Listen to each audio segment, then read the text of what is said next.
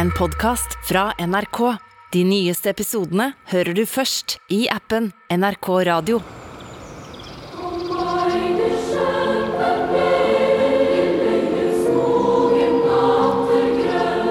Etter to år i koronadvale er de her igjen. I lyse nattetimer ruller russen rundt i dyre, spesialdesigna busser med superproft høyttaleranlegg. Men bak fellesskap og sjangling er det historier om auditions, prøvefester og gode venner som kaster hverandre ut av bussen. Du blir jo kasta ut av noe. Du vet jo ikke alltid hvorfor du blir kasta ut. Eh, og da sitter du der med en følelse har jeg gjort noe gærent, eller eh, har det skjedd noe? De kommer seg liksom inn i en eller annen sånn verden og et gruppepress som er veldig vanskelig å stå imot da, når du først er der inne. Hva har egentlig skjedd med russetida? Og hvorfor har vi den i det hele tatt? Hører på Oppdatert. Jeg heter Gry Baby. Den siste tida har det kommet frem en del ganske fæle historier om folk sin russetid. Kaja Kirsebom, du er eh, journalist her i Oppdatert. Og hvilke historier har kommet frem? Altså, Vi har fått høre historier om tidligere russ og foreldre som er skikkelig bekymra. De har fortalt om en ganske sånn dyster ukultur hvor videregående-elever helt ned i første trinn opplever ikke bare å bli ekskludert, men også utestengt av både venner og medelever, fordi de visstnok ikke har det som skal til for å få lov til å være med på russebusser. Og en av dem som fortalte historien sin, først på TV 2 og deretter i TV-programmet Debatten, var 20 år gamle Jonas Sakrisvold. Vi var sammen og koste oss, hadde fester og tjente penger. og Det var meg og alle bestevennene mine og alle de, egentlig de eneste gutta jeg kjente. Så plutselig en dag fikk jeg bare en melding på Messenger om at jeg får ikke lov til å være med mer. Jeg kan ikke møte de. Det, det er ikke sånn det funker. Altså, jeg fikk ikke lov i det hele tatt. Så etter det så mista jeg alle vennene mine, alle jeg kjente. Jeg hadde ingen, ingen å gå til, ingen å snakke med. Så hvordan var det. Nei, det var jo helt jævlig. Um, det var mye sinne, jeg var lei meg. Jeg gråt. Jeg hadde ikke lyst til å gå ut. Jeg sleit med å være i timen. Jeg klarte ikke å være der hvor det var mye mennesker. Og det var veldig, veldig tungt. Så Jonas han hadde slitt skikkelig i etterkant, men han er jo ikke aleine. For det var mange som kunne fortelle om ganske kjipe opplevelser. Ja, og mens kritikken mot russ tidligere har handlet om dop, bråk, fyll og overgrep, så har vi nå begynt å snakke om utenforskap. Men det at russetida skaper heftig debatt, det har jo nesten blitt et vårtegn. De rullende diskotekene som russebussene er, lagde bråk ti forskjellige steder i Asker og Bærum bare i natt. Jeg har stor forståelse for at eh, innbyggerne klager. For i år har det faktisk vært verre enn noensinne. Riktignok ble enkelte av Oslo-beboerne vekket midt på natten av eh, nostalgisk 80-tallsmusikk. Men dette er vel noe de gjennom årene har blitt vant til. For eh, russen vekker oppsikt, og sånn har det jo vært ganske lenge, Kaja. Ja. Dagens russefeiring den springer ut fra en ganske lang og elitistisk tradisjon. Og det hele begynte i 1813, da nordmenn fikk noe de hadde ønska seg skikkelig lenge. For da åpna dørene til Norges første universitet i Oslo med velsignelse fra den danske kongen, som Norge var underlagt. Og de 18 mennene som fikk lov til å begynne det året, de var barn av eliten i det norske samfunnet. Og de kjente til en litt merkelig tradisjon fra universitetet i København, som de tok med seg til Norge. Ja, hva slags tradisjon var det? Det var et rituale som begynte idet eksamen var ferdig. Og når eksamen var avlevert, så skulle de ha et horn knyttet fast til panna. Og da var det sånn at medelevene mobbet dem og lo av dem helt til eksamensresultatene kom. Og hvis du besto, så kunne du ta av dette hornet, for da hadde du fått visdommen inn i kroppen og villdyret ut av mennesket. Aha. Og det begrepet for det er cornua depositurus. Og det er der begrepet russ først oppsto. Og det eh, ble brukt i Danmark, og da kalte man dem bare russ. Og dette begrepet ble tatt med hjem til Norge. Så de het rett og slett russ. Men nå vet man jo faktisk ikke om disse studentene tok med horntradisjonen tilbake til Norge, men de adapterte russetidbegrepet, og de hadde ikke bare én russefeiring, de hadde to russefeiringer, og det første året på universitetet het russeåret. Men Kaja, den russetida her var jo for universitetsstudenter. Ja, det stemmer. Og det hele skulle faktisk forandre seg på slutten av 1800-tallet. Før så hadde russetida vært en feiring for de som hadde bestått opptaksprøvene til universitetene. Men nå så ble russetida en feiring for de som hadde bestått eksamen på det som var gymnas eller videregående. Som ble rett og slett flytta fra universitet til gymnas. Men fremdeles så var jo russetiden for en ganske liten og veldig eksklusiv gruppe. Med bare et par hundre russ men de gjorde seg veldig bemerket og løp rundt i gatene og sang og drakk. Og russen var jo ganske utagerende og havna stadig vekk i klinsj med politiet. Og etter hvert så skulle man få spesielle russeantrekk også. Ja, fordi nå begynte de faktisk å få litt utstyr. Og den røde russelua den gjorde sin entré på starten av 1900-tallet og det var en flat lue med brem, og så så den litt ut som en uniformslue. Og mennene de hadde på seg svarte dresser, og kvinnene hadde ofte på seg hvite eller røde drakter, og hadde du ekstra mye penger, så var disse spesialsydd for selve russetiden. Men alle hadde på seg emblemer fra skolene sine på klærne for å vise hva slags tilknytning de hadde. De hadde jo også et visittkort som fortalte nettopp det samme. Og så hadde de jo sånne bambusstokker med rød sløyfe på. Og jeg har egentlig tenkt at det kanskje er fordi det skal representere sånne spanskrør som lærerne før hadde brukt det for å straffe elevene ved å slå dem over fingrene. Men i hvert fall så brukte de disse da bambusstokkene til å lage skikkelig mye støy og leven i gatene, og de slo på skilt og alt mulig som bråkte, så det var liksom tydelig at her kommer russen. En søt hevn. En søt hevn. Og på den siste dagen i russefeiringa, som på den tiden var i slutten av juni, så samla folk seg på Universitetsplassen rundt et stort bål. Og russen de holdt taler og sang sanger. Og til slutt så kasta alle luene opp i lufta og bambusstokkene synkront. Og de fløy over, og til slutt så traff de et stort brennende bål. Og med det så markerte de at russetiden var over. Men så, i 1940, skulle nazistene sette en brå stopper for russetida, og det å være russ, det ble forbudt, Kaja. Ja, og det var jo forbudt ganske lenge, og ikke før freden kom til Norge i 1945, kom russefeiringa tilbake.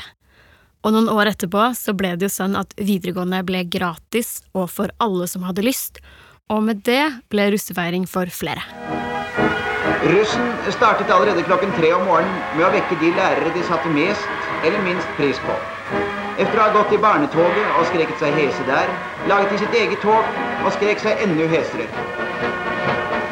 Russeformannen satte den tradisjonelle russelua på Wergeland.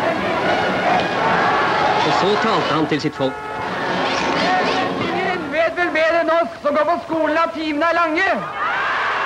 Men nå, i russetiden, skal vi sørge for at timene blir korte. Og på denne tiden så skulle det komme et enda villere og helt nytt element til i russefeiringa. For da anskaffa russen seg de aller første russebilene. Og dette var gamle biler fra 1920-tallet som var sånn åpne biler som man kunne kjøre rundt i, som de brukte i 17. mai-tog. Altså sånne gamle paradebiler. Og disse malte de rød og blå og skrev morsomme ting på. Og etter hvert så fikk de også sponsorer, så de malte rett og slett på reklame. Og nå begynte russetida å bli en større greie, Kaja. Ja, fordi nå begynte det å balle på seg. De ble egentlig mye mer organisert.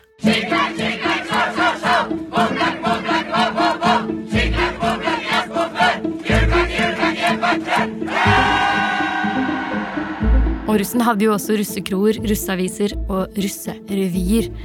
Og russeknutene kom også til, og det tok ikke lang tid før de ble drøyere og drøyere. Man snakker gjerne om uheldige utslag i forbindelse med russetiden. Man nevner eksempler som eh, maling av statuer i Vigelandsanlegget. I 1954 ble det heist piratflagg over vårt ærverdige storting. År ut og år inn så bader russen i alle byens bassenger.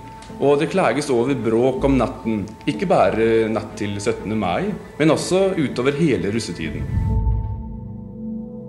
Og med det ble det også mer fyll og bråk, ofte til langt på natt, og noen ganger var det helt ute av kontroll. Derfor, i 1979, bestemte Arbeiderpartiregjeringa seg for at de ville prøve å legge en demper på feiringa ved å flytte eksamen til etter 17. mai. Og De håpa at det ville gjøre at russen roa seg litt, og kanskje heller brukte tida på faglige forberedelser i stedet for fest. Men tiltaket stoppa ikke russen. For eh, etter rundt 150 år med russefeiring hadde fenomenet blitt en god norsk tradisjon. Så de fortsatte som de alltid hadde gjort. Nå også med store landsdekkende russetreff. Har eh, samla russ fra Bergen i vest og til Oslo eller Jessheim da i øst. Det er ca. 6000 her i helga, så det er enormt liv.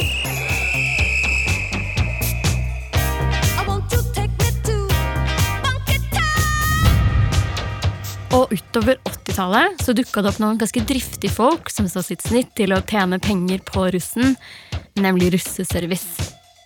Altså en leverandør av kjeledresser, strykemerker, russeluer, alt mulig som russen kunne tenke seg. Og dette ble ikke bare en veldig god butikk, det skulle skape en helt ny identitet for russen. Og denne russeidentiteten den skulle for alvor manifestere seg gjennom kjøretøyene til russen. For nå gikk mange fra vans og personbiler over til busser. Blow my whistle, baby. Og russebussene de begynte å ligne på enorme renoveringsprosjekter som folk virkelig la hele sjela si i. Og det ble på en måte et sinnssvakt, stort og tungt og langt statussymbol som dundra rundt og bråkte. Let's begin. For russebussene de skulle jo ikke bare ha spesialbygd innredning i fake skinn og fiskepels, de skulle også ha et eget konsept. Og mot 2000-tallet så utviklet det seg til å bli enda større. For da skulle disse russebussene og russebilene ha et eget dekknavn, som ble lansert lenge før russetiden, før de avslørte sine faktiske konsepter. Så dette minnet jo bare mer og mer om merkevarebygging. Festen om bord kan begynne. Sjåføren gires opp med allsang. Buzz Lightyear har i tillegg til lysanlegget en egen bar, øltønne med tappekran og en liste på veggen over damene de har sett på. Det står om ære og prestisje i Kongeparken denne helgen. Og det ble også vanligere å hyre inn artister som lagde egne spesialskrevne låter til den enkelte bussen. Og både kulturen rundt russetida, knutene og musikken har blitt langt mer overskridende og seksualisert. Jeg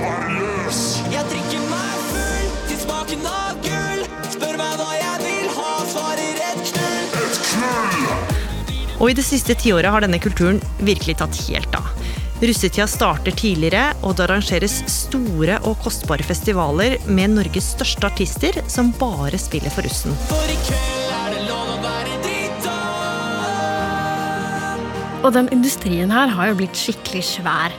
Det er ikke bare buss og egen russelåt som koster penger. Egne klær er en viktig del. Så har vi jo genser og bukse og T-skjorte og det som er, så. Det er ikke bare bussen? Det er ikke bare bussen, det er jo en del russeklær òg. Så det blir jo dyrt. Og det er jo ikke bare russedress og russekort som disse store firmaene selger. De selger også egne collegegensere og parkasser med logoen til bussen eller russegruppene på. Og det er egne firmaer som leier ut enorme lydanlegg. Og det er andre firmaer som selger disse russebussene og hjelper deg med å skreddersy konseptene, og det hele kan koste flere millioner kroner. Og selv om dette er størst i Oslo og Akershus, så har vi jo de siste årene sett at russebussene har spredd seg. I mai begynner russetida. Da skal russebussen Banken rulle rundt i Steinkjer. Vi ruller gjennom Tønsberg i russebussen Kringkasteren. En million kroner har det kosta for denne Barbie-bussen. Bak den står 24 russejenter fra Fredrikstad. Og selv om de som har russebil eller russebuss ofte deltar på dugnader i mange år for å finansiere bussen, så er det ikke uvanlig at mange, både med og uten kjøretøy, bruker masse penger på russetida.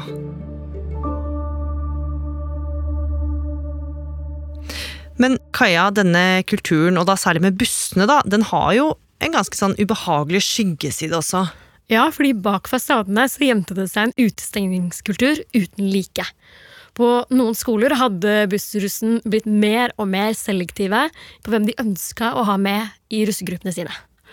Og disse forberedelsene de starter ikke lenger i tredje klasse på videregående, de starter allerede på ungdomsskolen for noen.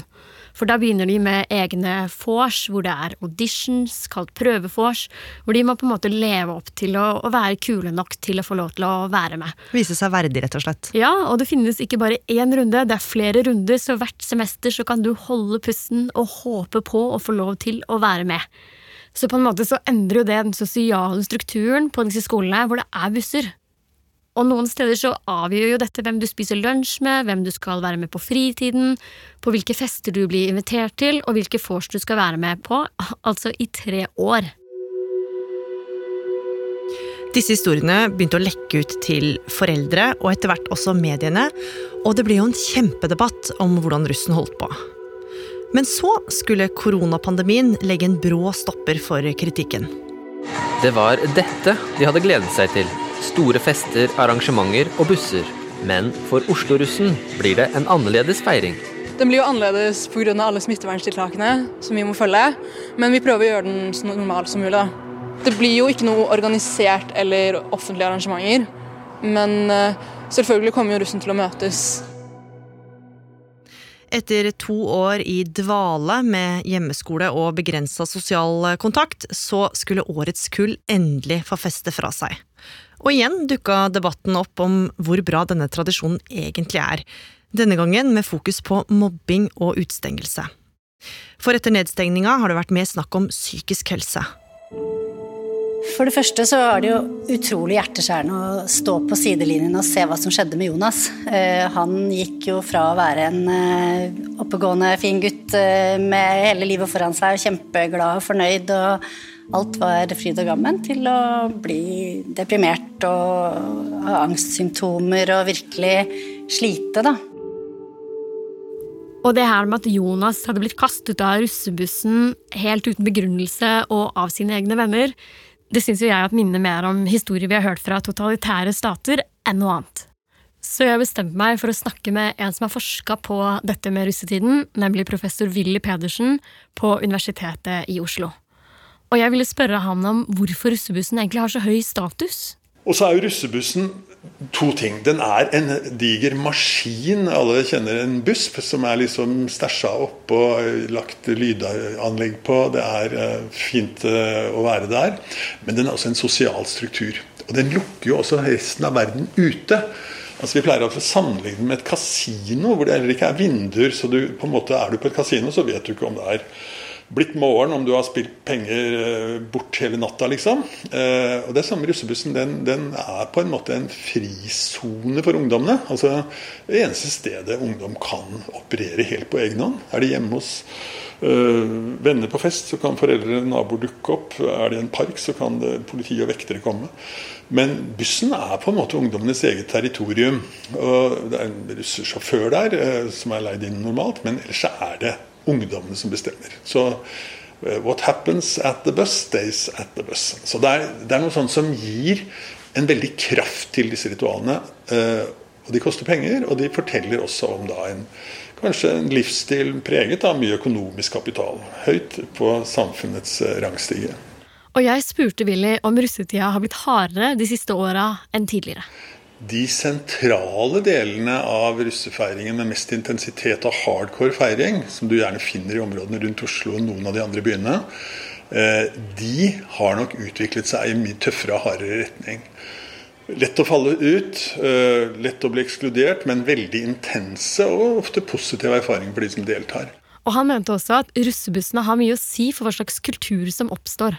Altså, Vi finner mye mindre ekskludering der det ikke er disse største og dyreste russebussene. Fordi de definerer så veldig mye. Hvem som får være med, hvem som er med på rulling og sånne ting.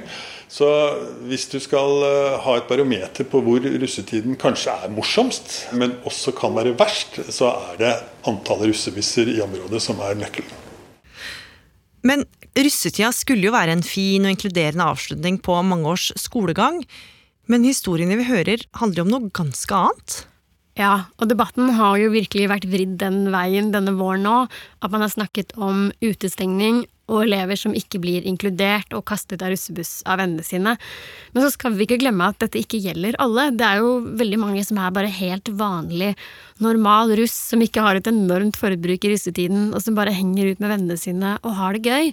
Og i tillegg så har det så kommet en stor motkultur. For i Trondheim og Haugesund så jobber russen veldig aktivt med å prøve å inkludere hverandre.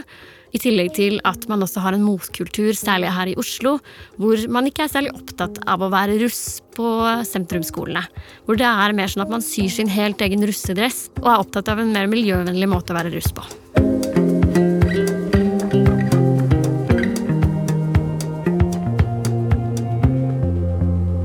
Oppdatert er en podkast fra NRK Nyheter. Og denne episoden er laga av Kaja Kirsebom. Andreas Berge. Og meg, Gry Veiby.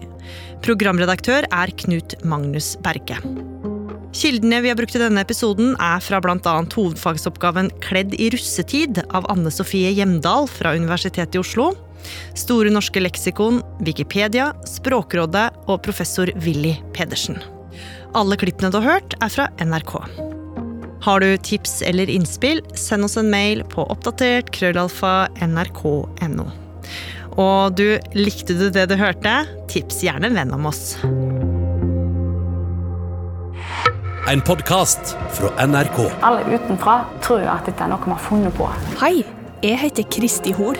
Over hele landet finnes det ordløste mysterier. Straks ble hun angrepet av en stor bjørn. Oss tar det med dit de oppsto, og forteller historiene. Jeg var antagelig sist, kanskje, den siste sesongen i livet. Møt dem som har kjent det på kroppen. Hun var råtten i ansiktet. Det kom bare sånn surklelyder ut av henne. Mysterier fra Norge hører du først i appen NRK Radio.